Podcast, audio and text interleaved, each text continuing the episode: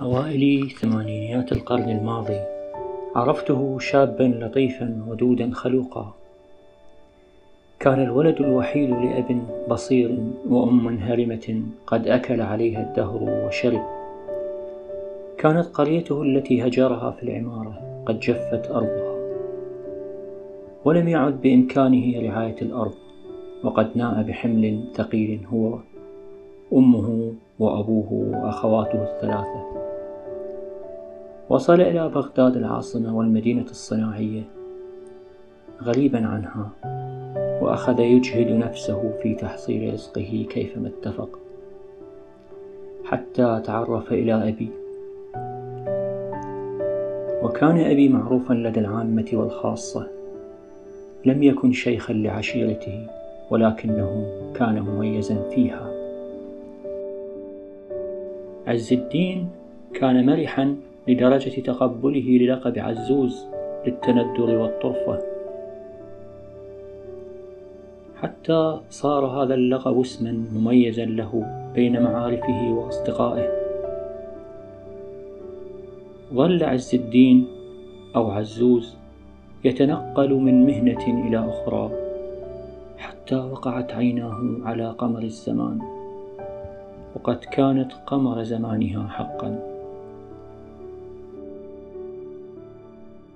كانت فائقة الجمال مشيتها تحكي نغمة موسيقى حالمة ووجهها قمر في ليلة اكتماله وصيرورته بدرا. عز الدين أراك بكرت اليوم إلى العمل. قمر الزمان. نعم فلا بد لي من بيع ما يمكن لي. فالظرف صعب والحرب تأكل الأخضر واليابس. الدين الهم واحد وأنا سألتحق بالجبهة عما قريب. ولا أملك ما يقتات به أهلي أثناء غيابي. سار قليلا لكنه ظل يختلس نظرة. أودت بقلبه وحطمته وكانت هي بدورها تختلس النظر إليه حتى ابتعد عنها. وشيئا فشيئا صار يلتقيها بذات المكان وبذات الوقت حتى اعتاد على ذلك. وصارت مواضيع أخرى تشغلهما غير الهم اليومي وهي تدفق الحب في دم عزوز وقمر. كما يتدفق الدم مع نبضاته وصارحها بحبه وصارحته أنها تبادله نفس الشعور. ولكن المشكلة بأبيها وعمها فالأب قاس لا يرحم والعم جشع لا يرضى بالزواج من دون أن ينتفع هو أيضا. وصار أمر الوساطة لأبي ومهما كان بارعا في التفاوض ومع مركزه المعنوي بينهم إلا أنه لم يستطع إقناع الأب والعم. أخيرا رضي الأب ووافق ولكن بثمن باهظ فقد أراد الأخت الوسطى عروسا له وهي الأصغر من ابنته ولكن حكم القوي على الضعيف قد نفذ وجرى الإعداد للزفاف. ولكن العم لم يترك الأمور تجري كما أراد العاشقين. فقد طالب بالأخت الكبرى عروسا له أيضا. ورضيت على مضض وزف الثلاثة إلى مخادعهم الأب وعروسه الصغرى والعم والكبرى وعزوز أو عز الدين وقمر الزمان. كانت ليلة مضيئة رائعة للعاشقين وليلة حالكة الظلمة للأختين مع زوجيهما لقد دمرت أحلامهما وماتت في مهدها فلا فارس على جواد أبيض ولا غيره بل شيوخ كبار السن يقضون معهن وطرا. مضت الأيام بسرعة والتحق عز الدين إلى جبهة الحرب. فهو إن بقي قتل وإن التحق قتل هو مقتول في كل الأحوال. بعد تسعة شهور أنجب ابنتهما البكر وأنجبت الأخت الصغرى ولدا ذكرا اسمه رائد.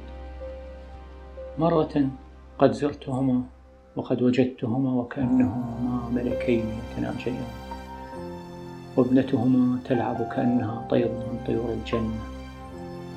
ولا أدري كيف ولماذا تبادر إلى ذهني أنها المرة الأخيرة التي سأرى فيها عز الدين. ودعتهما وانصرفت ولم أخفي خوفي الشديد وهلعي المصير وخشيتي من انفراط عقد ذلك الحب.